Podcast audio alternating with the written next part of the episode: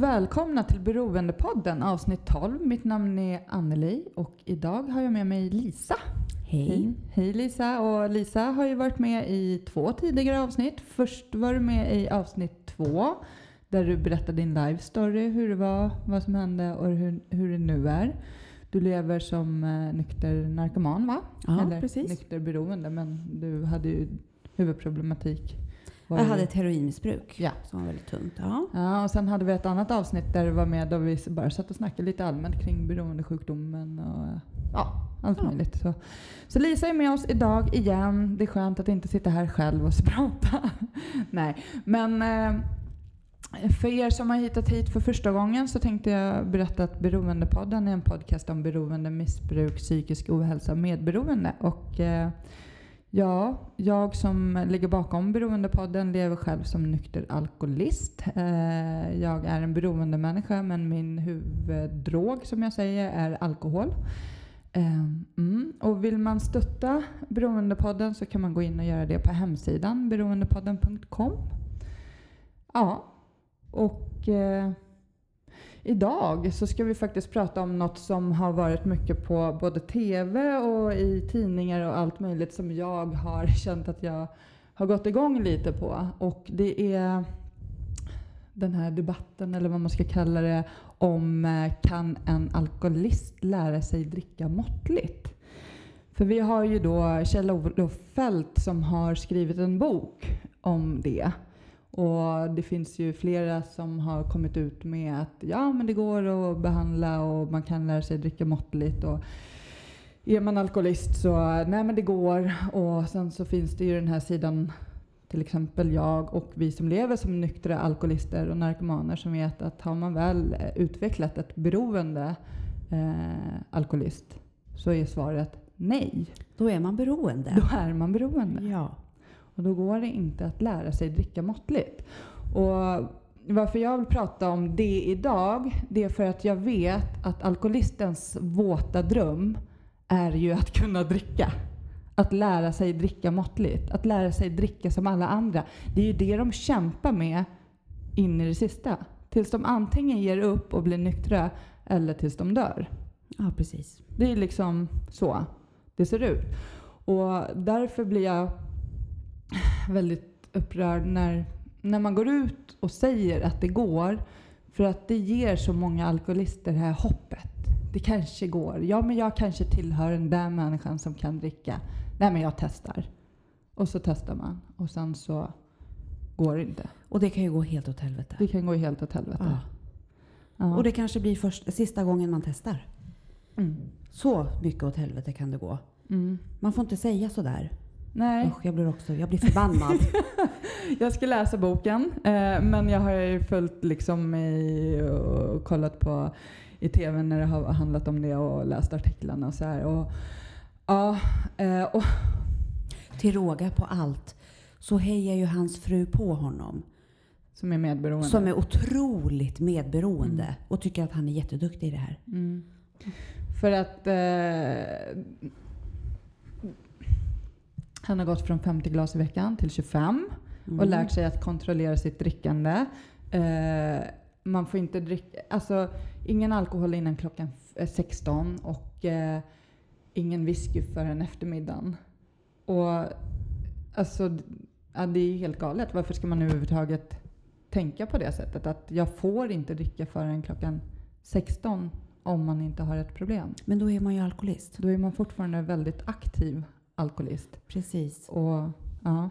Och säg 25 glas i veckan dricker han. Mm. 25 glas vin i snitt. Det är ju fem glas per kväll. Ja. Och, och sen vet inte jag riktigt, eftersom jag då är narkoman, men jag hade också en period när jag drack väldigt mycket. Men fem glas, det låter ju jättemycket.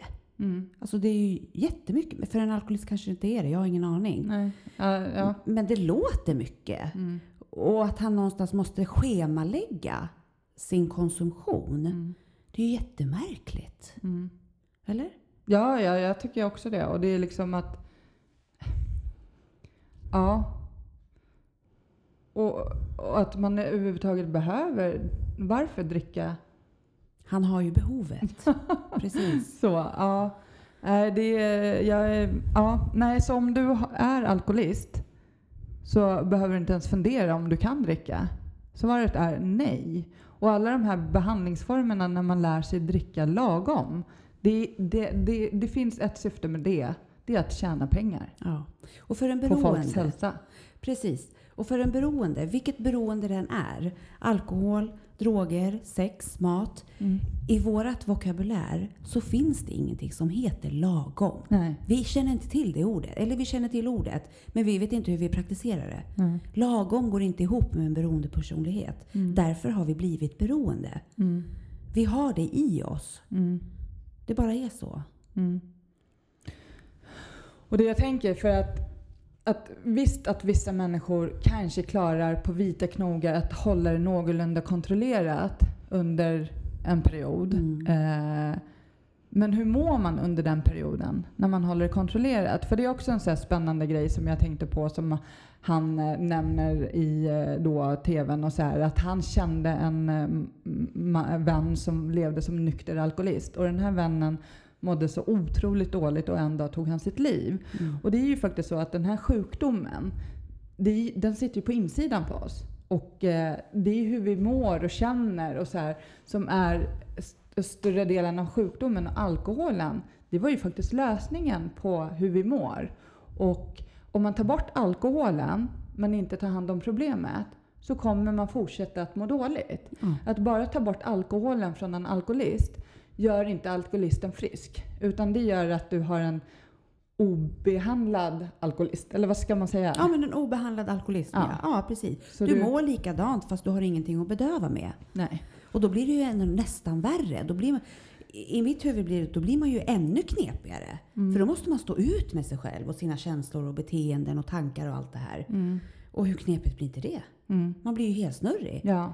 Och, och därför så... Då kanske man hittar något annat att fly in i. Ja. Jobb eller sex eller träning eller whatever. Men, man, men, men då tycker man ju att ja, ja men nu, ja, nu missbrukar jag ju inte alkohol i alla fall. Ja, så. Men precis. man har fortfarande det här dåliga måendet. Och det kan också leda då till att man väljer att lämna jorden. Ja. Eh, när jag blev nykter för åtta år sedan, eh, jag mådde jättedåligt och det var därför jag drack. Eh, och jag hade ett hål i min själ som jag brukar säga, ett eh, tomrum som jag fyllde med alkohol och andra grejer också, men framförallt alkohol. Och när jag slutade dricka, jag var väldigt ung, eh, 28-29, eh, och hela mitt liv hade ju kretsat kring att festa. Alltså jag, det enda jag såg fram emot det var helgen. Eller ja, i slutet då drack jag ju vardagar och lite, eh, ja, hela tiden i princip. Men, men det var ju det enda som fanns i min skalle. Det var ju nästa gång jag fick dricka. Mm. Och, och jag tänkte ju så här när jag slutade dricka. Så tänkte jag så här, men okej nu är mitt liv över. Hur kul kommer det här bli? ja. Men det som hände, det var ju att jag fick verktyg så att jag tog hand om mig själv. Och det här jobbiga på insidan, den här ångesten och den här eh, tomheten och allt försvann. Och plus att när jag inte missbrukade så kunde jag helt plötsligt börja göra de saker som jag drömde om. Ja. Och helt plötsligt så hade jag fått ett liv. Alltså mitt liv började för åtta år sedan. Ja. Det var ju då mitt liv började och jag har fått ett så sjukt bra liv sedan dess. Och framförallt som jag brukar säga till folk, nu har jag ju gjort massor eh, saker, alltså jag har utbildat mig och jag tävlar och tränar och sånt som jag inte gjorde tidigare. Men, eh, men det som har varit viktigaste det är ju liksom att jag mår bra på insidan. När jag Ja, vaknar precis. upp på morgonen så mår jag ju bra. Liksom. Och alkohol det är inte någon lösning på mina problem i dagens läge. Utan jag, jag har inga problem längre. Nej, typ, i princip. precis. precis. Så, Men det är ju för att du har tagit hand om din alkoholism. mm, Som du säger, du har ju jobbat med din insida. mm, Men får man då för sig att man kan dricka måttligt, mm, jobbar man då med sin insida? Nej. Är det bättre då? mm. Det enda du gör, du går och tänker på snart är klockan fyra, snart är klockan fyra, snart är det eftermiddag, snart får jag ta den där första Mm. glaset. Snart är det kväll, då får jag Mm. dricka. Och då har du ju kvar allt det där. Den här besattheten och Precis, tanken. Ja. det är ju det enda du tänker på. ja. Och du kan inte må bra och tillfriskna och få bort alla den här ångest, depression, oro, allt vad man nu kan ha. Mm, När du tillför kroppen alkohol, mm, fast i mindre mängd. Det spelar ingen roll om du dricker 10 flaskor eller 20 glas. Mm. Du är ju fortfarande alkoholist. Och du bedövar ju fortfarande problemet. Mm. Alltså din insida. Och jag säger ju samma sak. Mitt liv började när jag blev drogfri. Mm. Då började jag leva. Jag hade också sådär, men gud vad tråkigt livet kommer bli. Hur ska det gå? Vad ska jag göra? För hela min vakna tid gick åt till att fixa droger och få i mig droger. Fixa droger och få i mig droger. Det var det enda jag gjorde. Mm. Så när jag skulle bli drogfri då trodde inte jag att jag skulle ha någonting att göra. För att jag inte visste att det fanns ett liv. Men det fick ju jag lära mig. När jag blev drogfri och tog tag i saker och ting.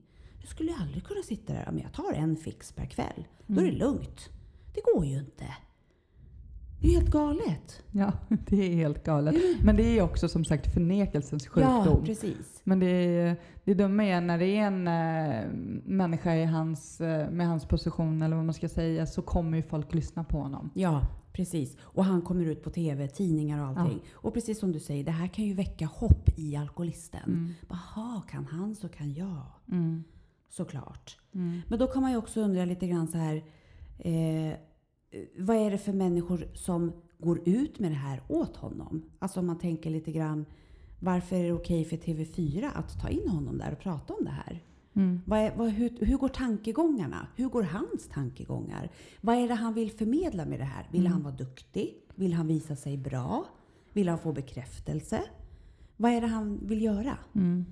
Jag tänker på de här behandlingsmetoderna också när de pratar om eh, att det går att lära sig dricka måttligt och så här. Och det, vi, vi, både du och jag är överens om att det är liksom, har du varit ö, eh, storkonsument av alkohol eh, så, och du inte har beroendesjukdomen, absolut. Då kan Mm. du säkert lära dig dricka måttligt. Liksom, för då har du inte den här fysiska allergin som vi pratar om inom beroende. Att när du dricker så är det någonting som händer i din kropp så att du kommer ta ett till glas Ja. och sen ett till glas. Och ju mer du dricker, ju törstigare blir du. Ja. Alltså det, det liksom skapar en mer törst och precis som du som kanske tar din drog, eh, tar en och då får du ett sug på en, på en till och en till och så här.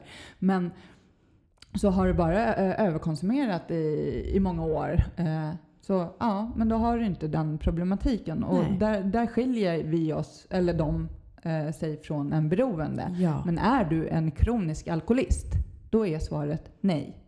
Nej men precis. Så. Och det är samma sak. Man kan ju missbruka. Mm. Och, och det är också så här, du kanske har missbrukat alkohol under en tid eller en tuff period i ditt liv och då bedövat med alkohol för att orka ta, eller droger för att orka ta igenom det här. Mm. Men det är fortfarande ett missbruk. Mm. Men är du en beroende person så finns det ingenting som heter överkonsumtion eller missbruk. Mm. Du är beroende av det. Mm. Du måste ha det för att överleva. Du Mm. bara måste. Du har inget val. Du har inte möjligheten att säga nej men idag tycker jag att jag ska vara hemma och ligga på soffan och läsa en bok. Du måste ha din drog. Mm. Där har du ju en beroende. Någon som missbrukar kan ju stå över en, två dagar.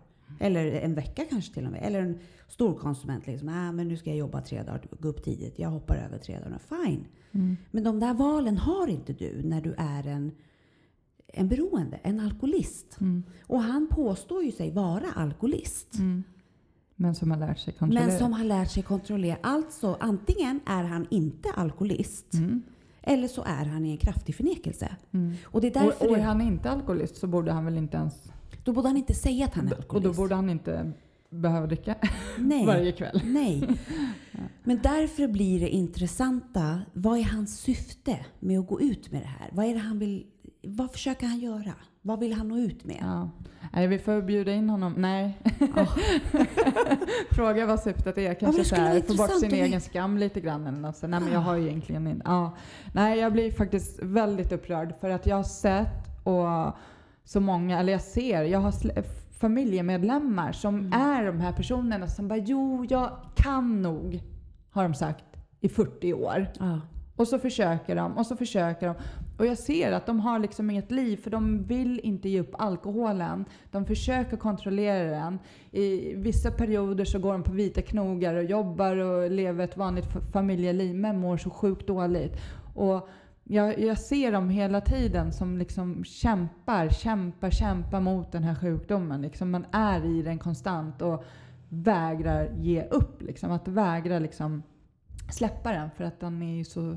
Det är ju deras bästa vän, deras Ja. lösning liksom Ja. på, på deras själsliga sjukdom, på hur de mår liksom. Och, ja.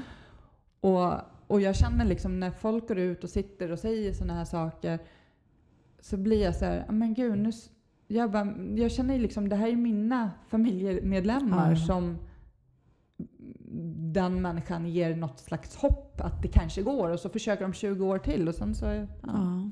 Men det, det var precis som du sa där i början och det var så intressant det här att hoppet är ju det sista som överger en oavsett om du är beroende eller Alltså människan överlag. Mm. Hoppet är ju alltid det sista som överger en. Har vi en alkoholist som kämpar på vita knogar Mm. och sätter på TVn eller läser en artikel där en människa säger så här. Vad tror du att den alkoholisten gör? Ja, men jag kan också lära mig. Ja, Mm. men då går jag och köper nu då. Mm. Då är det lugnt. Jag ska göra som han. Jag ska Mm. lägga upp ett schema. Mm. Men nej, alltså nej. Antingen är du tyst och behåller dina 20 glas i veckan för dig själv. Eller så går du ut med att det går inte när man är alkoholist. Jag skulle vilja träffa honom känner jag. ja. Och, och vi brukar, eller jag brukar skämta med kompisar om det här att det första jag skulle göra om jag fick veta att jag inte är alkoholist. Om någon säger så här, du är inte alkoholisten eller du, det, är liksom, det är lugnt. Mm. Det första jag skulle göra det är ju självklart att gå ut och dricka. ja, eller hur? Och gå Och ut och festa och ha det kul. Och, det- och det där fattar ju alla som är alkoholister.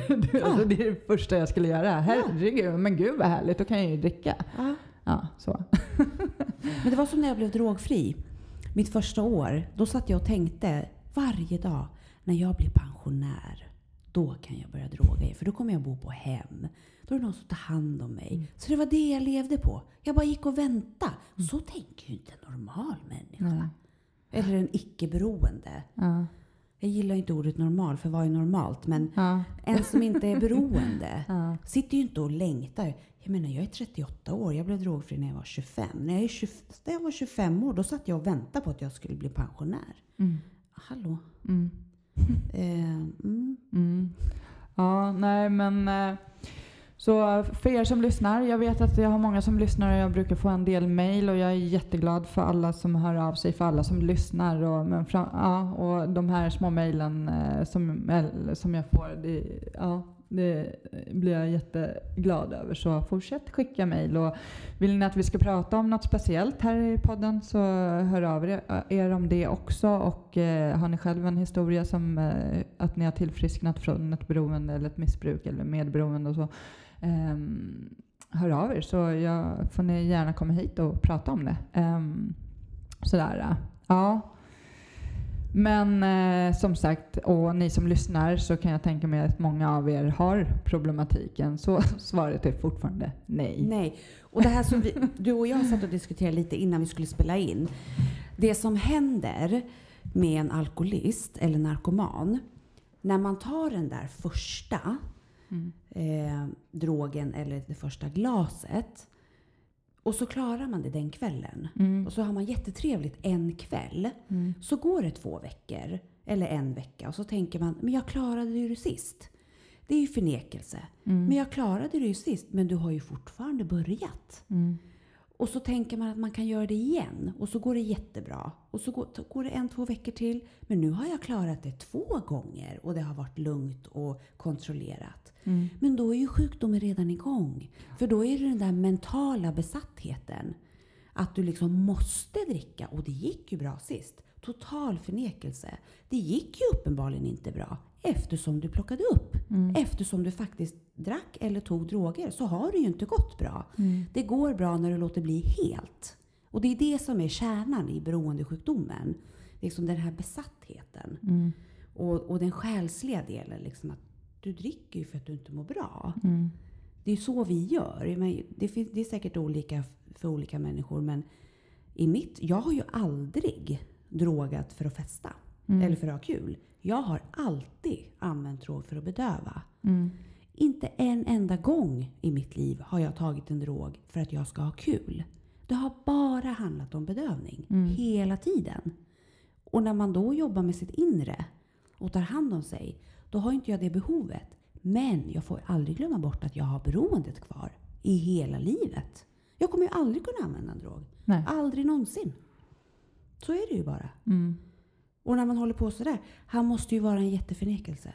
Man Mm. kan aldrig dricka igen när man är alkoholist. Nej, nej, nej, nej, nej. Mm. Och det går inte att säga för många gånger. Nej. Testa inte ens. Nej. Det är inte värt det. Nej. För du kanske tror att det kommer att gå bra en kväll. Och det kanske går bra en kväll. Mm. Men då är det redan igång. Mm. Nästa kväll kanske det inte går bra. Kvällen efter det kanske det går åt helvete. Mm. Vem vet? Och, och lyssnar ni och eh, har lagt av med alkohol men mår fortfarande dåligt så finns det hjälp att få för det. Ja. Liksom. Och det är ju... Ni kan eh, gärna gå in på hemsidan och mejla mig så kan jag ge er lite tips på mejlen där vart man kan vända sig och sådär. Men, eh, men ja, ta inte upp drogen. Det är vad Gör du gör. inte, Plocka det- inte upp. Nej. Det är inte Och värt. det finns många som har tagit sig ur sitt eh, missbruk och mår jättebra idag och som finns där ute och som gärna hjälper dig att eh, hitta Ja. rätt hjälp. Ja. Så det är bara höra av er till ja, Beroendepodden faktiskt. Ah, jag är så uppeldad efter. Ja. Det, är- det är liksom så galet liksom. Och jag tror också som jag känner med det här poddandet att det är viktigt att vi börjar våga prata om det. Ja, gud Och ja. den här, släppa den här skammen som är kring eh, alkoholism och narkomani eller sockerberoende, whatever. v- vad man nu har för problematik. Sådär. Och börja stötta och hjälpa varandra istället. Liksom hela samhället är uppbyggt på att man ska dricka. Det var, det, det eh, var, var ju någon som sa det att liksom vi jobbar måndag till fredag. Eh, vad, vad jobbar man? 8 till 5? Vad jobbar man? Säger så? 8 till 5 för att kunna supa till på fredagen. Ja. För att vara bakis eh, på lördagen. Ja. Och kanske dricka lite på lördag kväll för att varva ner inför en ny arbetsvecka. Ja. Det är så många människor lever. Jag känner många som fortfarande är, är i det. Liksom. Och vad är det för liv? Att Ja. jobba konstant för, och sen supa till på helgerna för att sen orka en till arbetsvecka för att sen någon gång i framtiden bli pensionär. Liksom. Ja. Och, för, och då kan man ju dricka varje dag. Det är ju helt... Ja, precis. Ja, Ja. på landet. Herregud. När jag var på väg hit, det var så roligt. Det måste ha varit någon mening med det. Då gick jag in på Pressbyrån eh, och skulle handla. Så pratade jag lite med han som jobbar där och, och då berättade han för mig han pratar ju väldigt mycket på han i Pressbyrån här nere. Och då berättade han att han, och, Ja, hans, han är väldigt Ja. social. han och hans fru hade varit på IKEA igår. Och det hade varit så kämpigt och, och jobbigt och det var så mycket folk. Och ja, herregud, sa jag. Stackars dig. Ikea satte jag inte min fot på. Och sen säger han så här. Ja, men vet du vad vi gjorde? Nej, vad gjorde ni? Vi åkte till bolaget och köpte en flaska vin. För det tyckte vi var att vi var så värda. Efter en hård dag på IKEA. Då är man värd en stark flaska vin. Och för mig blev det så här. Jaha, okej. Så att för honom så ligger det ett värde i att få dricka alkohol och slappna av på det sättet. Sen kanske inte, han är ju förmodligen inte alkoholist och kan ju dricka normalt och tycker han att det är mysigt att dricka, fine. Men i mina öron så blir det så himla konstigt när man söker värdefullhet i alkohol. Alltså man kan ta en, nu kanske det låter jätteklyschigt, ta en skogspromenad, ta ett varmt bad, se en bra film, ät en god middag. Men det var så viktigt. Och hela han sken upp. För vi var värda en stark flaska vin. Och så köpte vi en ask cigaretter också. Det var ni värda. Ja, ja men det lät så märkligt. Förstöra hälsan lite. Ja, men det lät så himla märkligt. Ja. Men, men det kan ju också vara, jag förstår ju inte normalkonsumenten. Nej. Jag kan inte koppla där. Jag tycker ju det är konstigt Ja. med folk som kan dricka en Ja. flaska vin. Det, det, det finns inte i min värld. Men, nej, men du vet, det var så viktigt. Var, han, de, han var så värd det. Mm. Det var så Och märkligt. Ja, nej men alltså, jag, det har jag också, hör, hör man ju ofta hela tiden att ja, men det är jag värd. Men Ah. jag, jag håller ju också med, liksom, men, men ta en promenad. Ta, gör något uh, kärleksfullt mot dig själv på ett annat sätt. Liksom. Sen Ja. kanske, har du inte problem, visst, då kanske det är mysigt att ta ett glas vin och, om man klarar av att stanna där. Liksom. Ja, ja. Men just den här eh, känslan eh, kan vi komma in på när man är en beroende. Just det här att man inte förstår en vanlig människa, eller vanlig människa, där, ja det var ju Ja. vanlig. Men, men, men en människa som kan ta ett, två glas och sen sluta. jag tycker det. Jag, jag kan fortfarande inte, fastän jag har varit nykter i åtta år, Ja. så i min värld, om jag skulle dricka, jag har aldrig tänkt den här tanken att jag skulle vilja lära mig att dricka kontrollerat. Faktiskt. Jag vet att många alkoholister tänker så.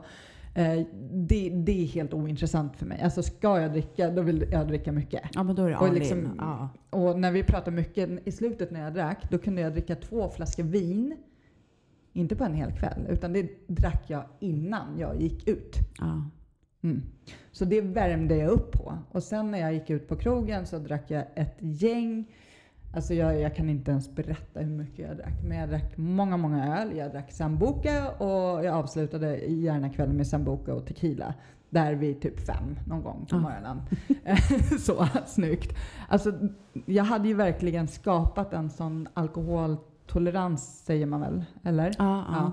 Ja. När jag började dricka när jag gick i sjuan, inte fan fick jag i mig så mycket då. Då var det liksom en flaska som däckade man låg och spydde. Så. Men i slutet, alltså jag kunde dricka sådana mängder och fortfarande gå rakt och folk Ja. såg knappt att jag var berusad. Men dagen efter när jag vaknade, då mindes jag ingenting. Nej. Och jag brukade kolla i så här fickorna, typ så här, aha, där var kvitto, den taxin och där är kvitto från den, okej den krogen var jag på. Och sen så brukar jag... Fylle smsen. ja, Oh my god. fylla, fylla sms. Vet du vad jag gjorde i slutet?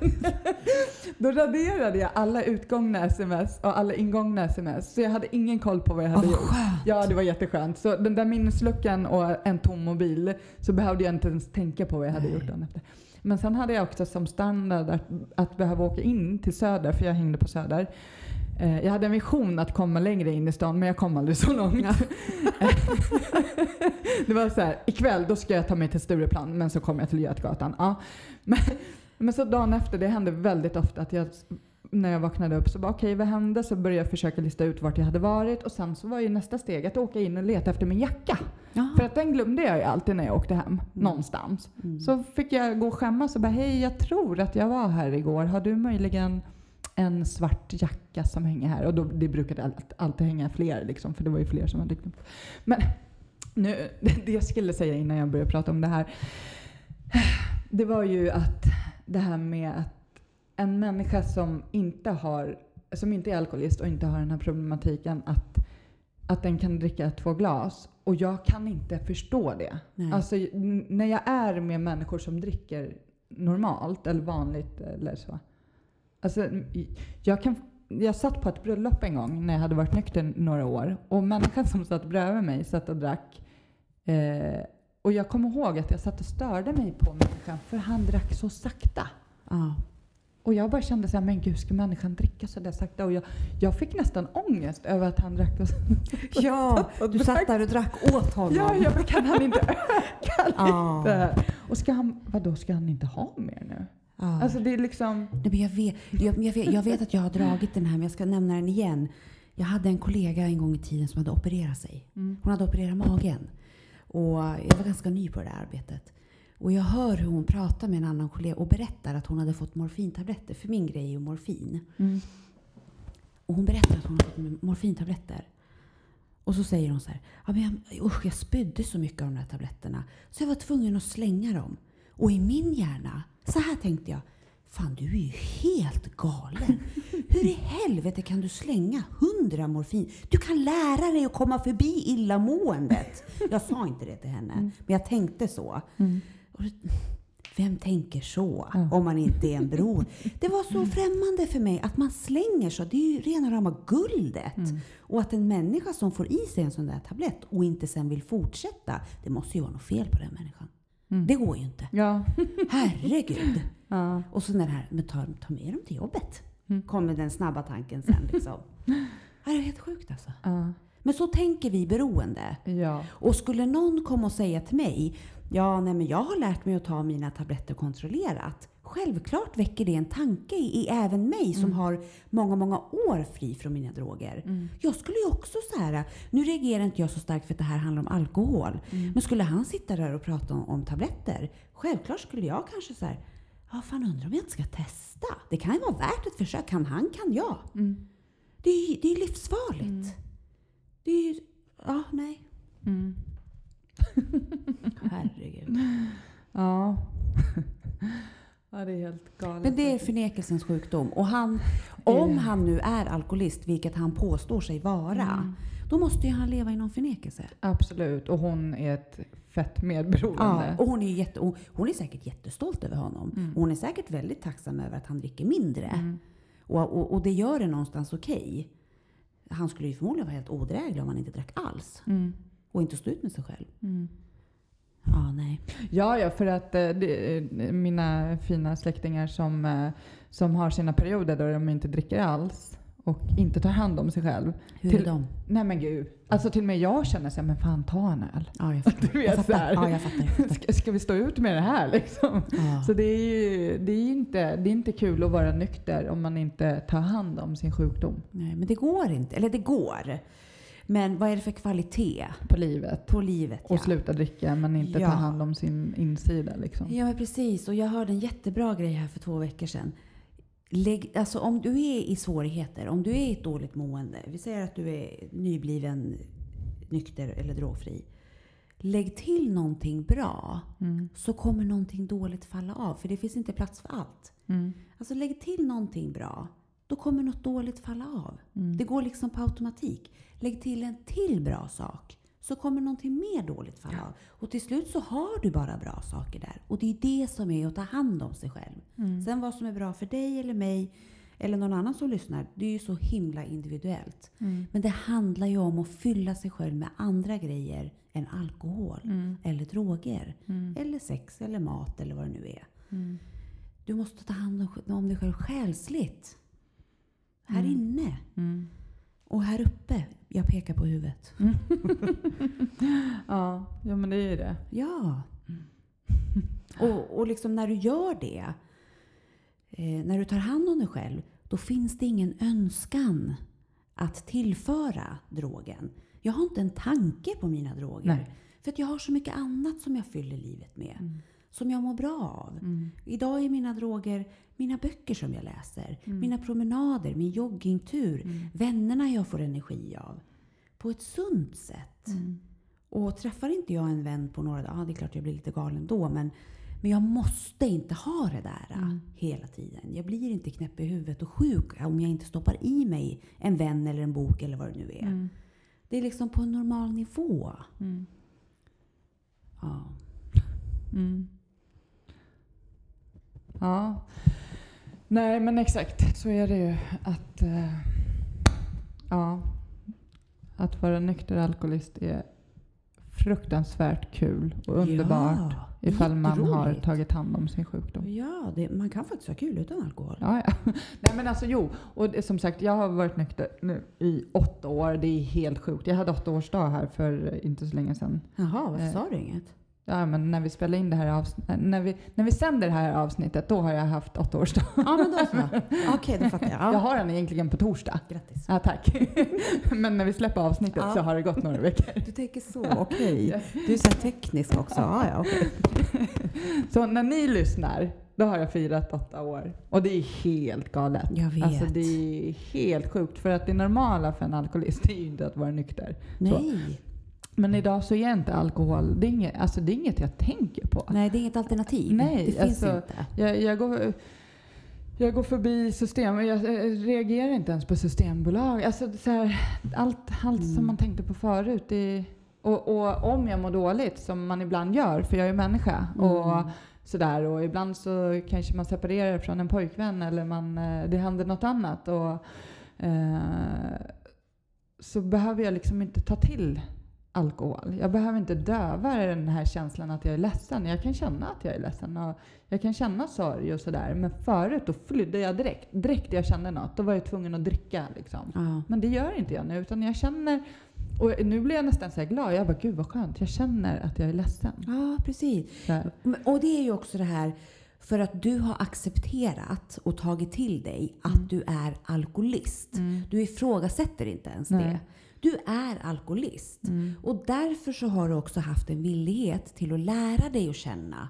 Till att våga känna och klara av att känna. Mm. Det är det det handlar om. Mm. Du har accepterat att du är en alkoholist. Och, och då går du den vägen du behöver gå. Mm. Och det är fint att känna. Det är flummigt som fan.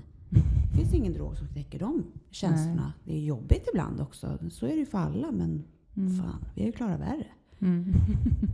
faktiskt. Ja. Ja. Alltså nej, det var det här jag ville prata om idag. Mm. Om, eh, är du alkoholist, eh, funderar du på att dricka, drick inte. Mm, Men om vi säger så här. då. Vad definierar en alkoholist? Om, om du som lyssnar säger, men är jag alkoholist eller är jag inte alkoholist? Vad är en alkoholist? Diagnosen kan man ju själv bara ställa eller vad man säger. Men det är Ja. ju bara du själv som kan liksom, Ja. Så här, är jag det eller inte? Och eh, hur skulle vi säga då? då? Eh, vad händer när du dricker? Mm. Får du ett mer begär? Vill du ha en till? Mm. Eh, och efter det, vill du ha en till? Mm. Visst, ibland kanske det går att sluta efter några, men oftast inte. Ja. Ja. Ehm, den här mentala besattheten. Att du tänker på det hela tiden. Ja, Ja. Liksom på fredag. Att det, även om du kanske inte dricker måndag till fredag, så Men- tänker du på att du... För en alkoholist måste inte dricka sju dagar i veckan. Du Nej. kan ju dricka en gång i halvåret, Ja. men fortfarande vara alkoholist. Ja. Men det är ju det här också. Du, du går och längtar till fredagarna för då ska du dricka. Ja. Men under måndagen och fred, mellan måndag och torsdag, då går du och svär över att du inte kan dricka. Mm. Fan, det är inte fredag idag. Fan, det är inte fredag idag. Mm. Du tänker ju på det. Eller så kanske du har sagt så här, nej men jag ska inte dricka förrän på midsommar. Ja. Och så tänker du på det. På midsommar, då ska jag dricka. Alltså du har den där. Så, så att vara alkoholist, du behöver absolut inte dricka varje dag. Jag tror att många tror det. ja. Alltså att eh, eh, en alkoholist, det är liksom en, det är de här man ser på parkbänken. ja. Så. För jag hade den bilden också när jag liksom blev drogfri och kom in i de här rummen. Mm. En alkis, det är den här gamla gubben eller gamla kärringen som är tandlös. Mm. Skitiga kläder på parkbänken. Sen kommer jag in i, i liksom en gemenskap där jag möter 20-åriga tjejer Mm. som är alkoholister. Mm. Jag kommer ihåg när jag satt på mitt första LVM. Mm. Då träffade jag en tjej, hon var 18 år. Mm. Jättefin, jättevacker. Pluggade, kom från ett fint hem. Hon var alkoholist. Mm. Men hon satt inte på parkbänken. Men hon drack varje dag. För att orka leva liksom. Mm. Så jag menar, en alkoholist är, man kan inte säga fysiskt hur en alkoholist ser ut. Nej. En alkoholist kan vara precis hur som helst. Mm. Det behöver inte vara den här parkbänksalkisen. Många tar ju hem parkbänken. Mm. Ja, men det I- gjorde, inte gjorde bokstavligt då, men de sitter hemma. Ja, precis. ja. De sitter hemma och dricker för att inte synas. Mm.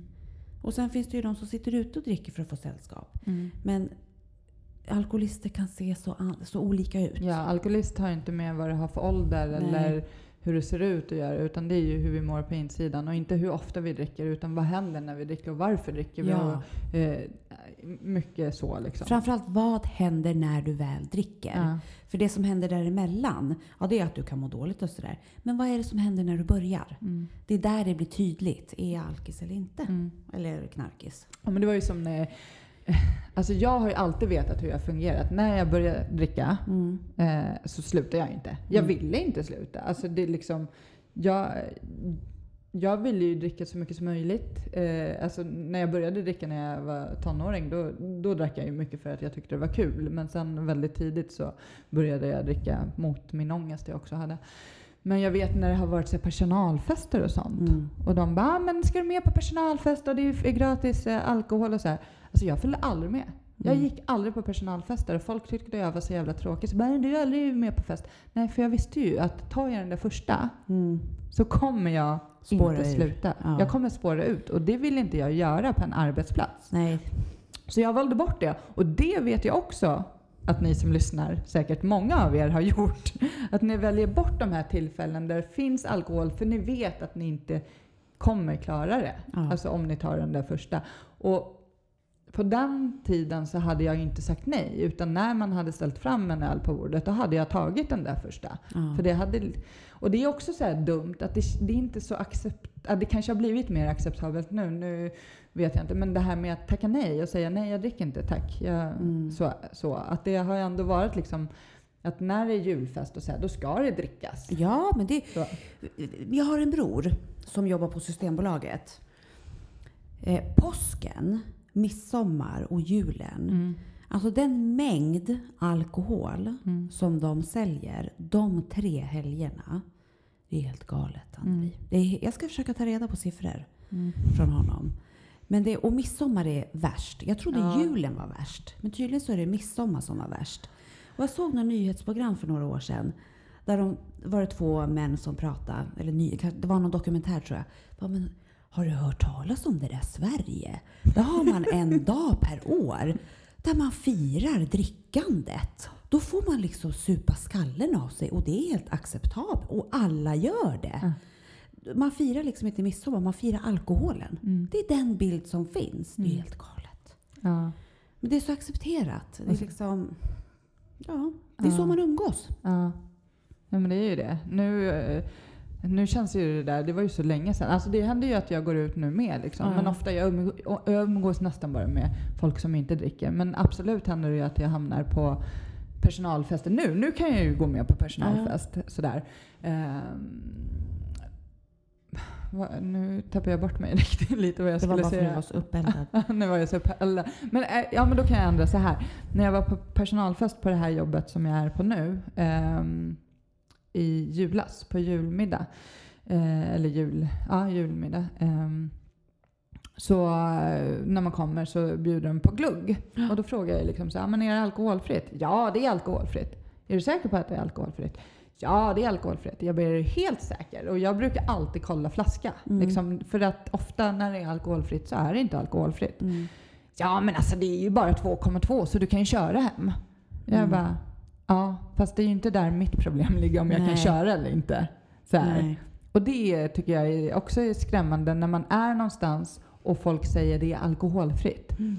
Och liksom det vet jag också många som har råkat ut för den. Att de har liksom, ja ah, men vad bra, och så dricker de och sen bara shit det är ju fan inte alkoholfritt. Ja, jag vet. Och Och, kan det där för kan det dra igång något i en Ja. person. Oftast så kanske man, nej för fan, och så eh, ställer Ja. man ifrån det. Men det kan också dra igång ett sug eh, där. Ja, för det som händer... Gud vad bra att du tog upp det här. För det som händer... Jag försökte förklara det här för en kollega en gång i tiden.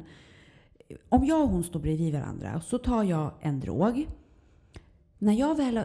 Även fast jag innan jag tar den där tabletten tänker så här. Jag ska bara ta den här. Jag är helt säker på det. Mm. Det är bara den här tabletten jag ska ta. Jag har bestämt mig för det. Ja. Och jag är helt övertygad. Och jag tror på det. Och det är så. Mm. Och så ska hon också bara ta den tabletten.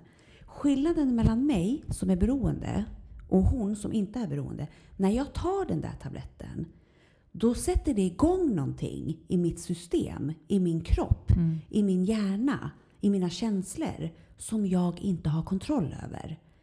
Min kollega har kontroll över det, så för henne räcker det med den tabletten. Samma processer händer inte i henne Mm. som i mig går igång på en sekund. Mm. Och när den väl har startat, då vill jag ha en till tablett. Mm. Då finns det ingenting som heter, nej men jag hade ju faktiskt bestämt mig för att ta bara en. Ja, ja men skitsamma, jag tar en till, bara en till. Och så tar jag en till, och en till, och en till. Det tar ju sekunder Mm. tills det där kommer igång. Och då är det för sent. Mm. Jag kan inte stoppa mig själv då. Hur mycket jag än vill Nej. i mitt förnuft så kan jag inte stoppa mig själv. Det är totalt omöjligt för mig. Och därför måste jag avstå helt. Mm. Det bara är så. Medan min kollega kan ta en och liksom, ja ah, men det här är bra. Det räcker för mig. Mm. Vilket för mig är så här, nej men vi tar mer, mer, mer, mer, mer hela Mm. tiden. Och när det tar slut, då måste jag gå och skaffa mig någon annanstans. Mm. Och då är allt det där jag tänkte sekunderna innan som bortblåst. För att det sätter igång någonting. Det händer någonting i mig som bara händer i beroendepersonligheter. Mm. Och det är ju med alkoholen. Dricker man då, ja är det alkoholfritt? Ja då. Och så dricker man. Även fast det är en liten, liten mängd så kan det där sättas igång. Mm. Och då kan det vara för sent. Fan, det här kändes ju bra. Men jag tar lite till. Mm. Och så är man igång. Ja. Tyvärr. Jag, jag bara kom på en, en eh, grej som hände då. Eller hände. Jag, jag skulle hem till en av mina bästa kompisar som jag hade känt sedan jag gick på dagis. Och hon, hon skulle bjuda på middag och lite vin till maten. Och så skulle vi kolla på Melodifestivalen. Och sen skulle jag vara där hela kvällen, eh, var tanken. Mm. Eh, det här var i slutet när jag var som mest aktiv. Eh, för så här, riktigt så här såg det inte ut första åren. Men, men när jag, i slutet. och, och i slutet, då brukade jag alltid för säkerhets skull ha egen alkohol med mig. Så att jag Mm. visste att det fanns så det räckte. Liksom. Så att jag fick så pass mycket så att det kändes lugnt på insidan. Som det.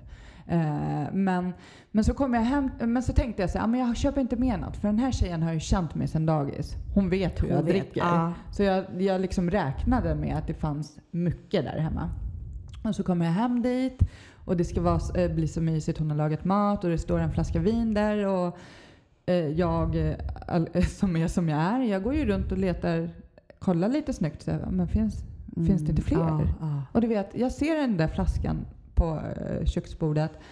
Och jag kollar lite snyggt i skåpet, lite snyggt i kylskåpet eh, och, och inser att det finns bara en flaska. Och du fick lite panik där, jag fick panik direkt. Ja, ja jag fattar. För att jag hade ju ett sånt sug redan på vägen hem till henne. Jag hade ju Ja. längtat hela dagen att få sätta igång och dricka. Ja. Och få liksom så här, och fan ska vi dela på en flaska till med? Det är ju bara en halv. Till råga på allt Ja, liksom. så här, Helt galet. Så den här kvällen slutade ju med att vi åt mat, vi drack vinet, sen drog ju jag. Ja, Så hon fick ju kolla på sin melodifestival själv medan jag åkte in till stan och festa. ja, det är klart. För det, det gick inte att Nej. sitta kvar för att jag hade ett sånt sjukt sug. Ja. Och jag bara kände så här, fattar hon inte? Vad fan, hon, vi har ju känt varandra jämt. Varför köper man bara? Ja. Det, är- men det är för att hon har ju inte sjukdomen. Nej. Det är jättemysigt att sitta och dricka ett glas vin med en polare. Ja, Så länge den inte är alkoholist. ja men precis. Exakt. Ja. Exakt. Ja, nej men... Och ja, jag och Lisa sitter här och skrattar mycket samtidigt som vi berättar de här sjuka grejerna som andra kanske känner sig men gud hur kan de skratta åt det där? Vi har, eh, alltså det är min historia, det är så det har sett ut och jag skrattar jättegärna åt, mm, alltså så här hur det har sett ut Ja. idag. Liksom, att det på något sätt så måste man kunna skämta om det. Även Ja. om det är väldigt allvarligt. Folk dör i det dagligen och folks familjer blir förstörda på grund av det. Så måste man ändå kunna prata om det på ett lite lättare sätt också. Alltså Ja. man måste kunna... Och skrattet, det kan också göra att skammen minskar. Alltså Mm. man, det, det här är inte... Tänk hur många som sitter där ute och skäms i det här. Mm. Inte pratar om det. Och om man då lyfter det lite med och bjuder på sina egna galna historier och skrattar åt det. Mm. Kanske kan man ge någon annan ett hopp och ett litet leende. Och bara, men det, kan, ah, okej, ja, men det kanske inte är så farligt ändå då med, med att prata om det. Eller, ja men de skrattar ju. Kanske jag också kan skratta åt det en vacker dag. Mm. Det är jätteviktigt att göra det liksom avslappnat. Mm. Ja, men jag tycker också det. Ja, men det beror ju också på att du och jag är två personer som har jobbat väldigt hårt med oss själva. Vi har ju blivit vän med vår historia. Mm. Liksom det är en del av oss Ja, jag har känt jättemycket skam. Ja. Åh herregud. Ja, precis. Så, men det är inte, inte idag. Nej. Nej, jag gör inte det. Och, och idag är ju vår historia vår styrka, Mm. våra tillgångar. Vi använder oss mycket av den och vi utvecklas båda två Mm. i, mot drömmar och mål tack vare vår historia. Mm. För att vi väljer att vända på den. Men det är klart man ska kunna skratta åt galenskaperna. Ja, lite tokigheter över. Ja. Och självklart så hade jag ju kul också några gånger. ja, absolut. Det hade jag Och det är med. det som man ofta kanske, om man är aktiv, Ja. försöker komma ihåg. Det som var roligt. Eller det är det man kommer ihåg så att man kan fortsätta. Ja, men precis. Det blir en legitim anledning att fortsätta. Ja. Man tänker bara på det roliga. Men jag har ju faktiskt haft jättekul. Det är ju så. Människan är ju så redan från barndomen. Man är ju programmerad Mm. att förtränga och glömma bort det Det jobbiga. jobbiga. jobbiga. Ja, ja. För annars, hur ska vi annars orka fortsätta framåt? Liksom, Ja, men precis. bara- Det är som Ja. att föda barn. ja. Jag menar, man glömmer bort hur ont det gör. Annars Mm. går man inte och föder fyra barn. Nej, som Man- du. Ja, men precis. Alltså första gången jag Ja, fast jag glömde inte bort det. Det är därför jag bara har Ja. en. Nej, jag skojar. Ja, men herregud. Man, man har, vi människan har en form av försvarsmekanism där vi förtränger och förtrycker och glömmer bort det jobbiga. Mm. Mm. Och då kan det också bli svårare för en alkoholist att verkligen, ja men jag kanske inte är alkoholist då. Mm. Eller narkoman. Mm. Ja. Mm. Ja, nej men jag tror att vi avrundar. Eller vill du? Ja, alltså Ja. Vi kan ju sitta hela natten, absolut. Jag ska bara avsluta med en grej innan vi avrundar. om du sitter där hemma och tänker eller undrar om du är alkoholist så är du förmodligen det. Ja. För man undrar inte det om man inte är det. Mm, oftast. Oftast är det, faktiskt så. Mm. Ja, det var bara det jag ville säga. Ja.